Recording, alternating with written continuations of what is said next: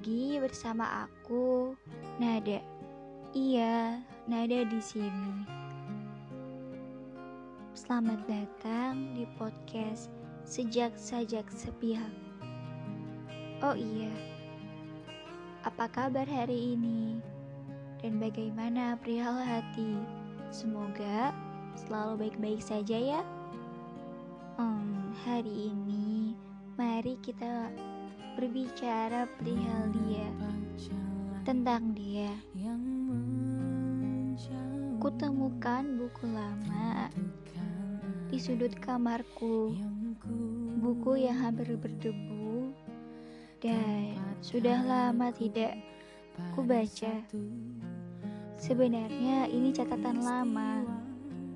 Ku buka beberapa halaman dan kutemui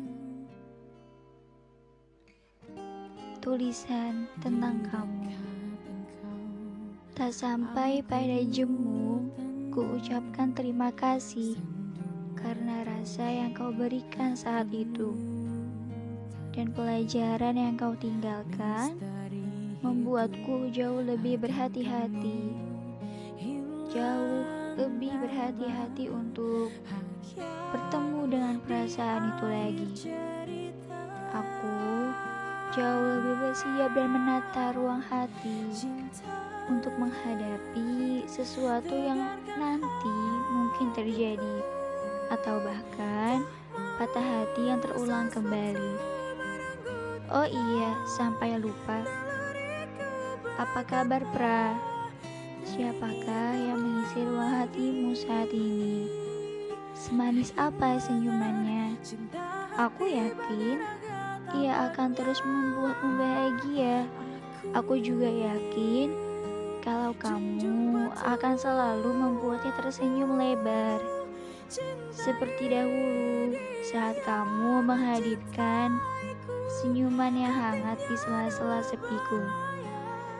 Sesak terkadang saat mengingat atau saat aku bertemu ingatan bahagia yang dahulu meluluhkan.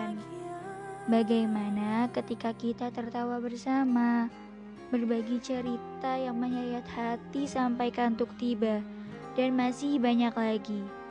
Pra, apa rencana ini sepihak? Pra, apa rasa rindu ini sepihak? Pra, kau rindu aku. Pra, kau masih membenci hujan. Lebih dari seribu pertanyaan ingin aku tanyakan bukan hanya sekedar kabar, tapi tentang perasaanmu, tentang sakit hati yang dulu kau pernah ceritakan kepadaku. Rasanya ingin ku titipkan rinduku dalam rinai. Rindu dalam rinai yang segelap nabastala dihapuskan dengan malah, lalu membengkakkan kedua mata. Rindu dalam rinai membuat diri tak mudah berdamai, menginginkan ia yang gata, pastinya yang terlalu jauh untuk dilihat oleh mata. Rindu dalam rinai sebenarnya terlalu menyiksa atma, namun dapat menghadirkan bahagia.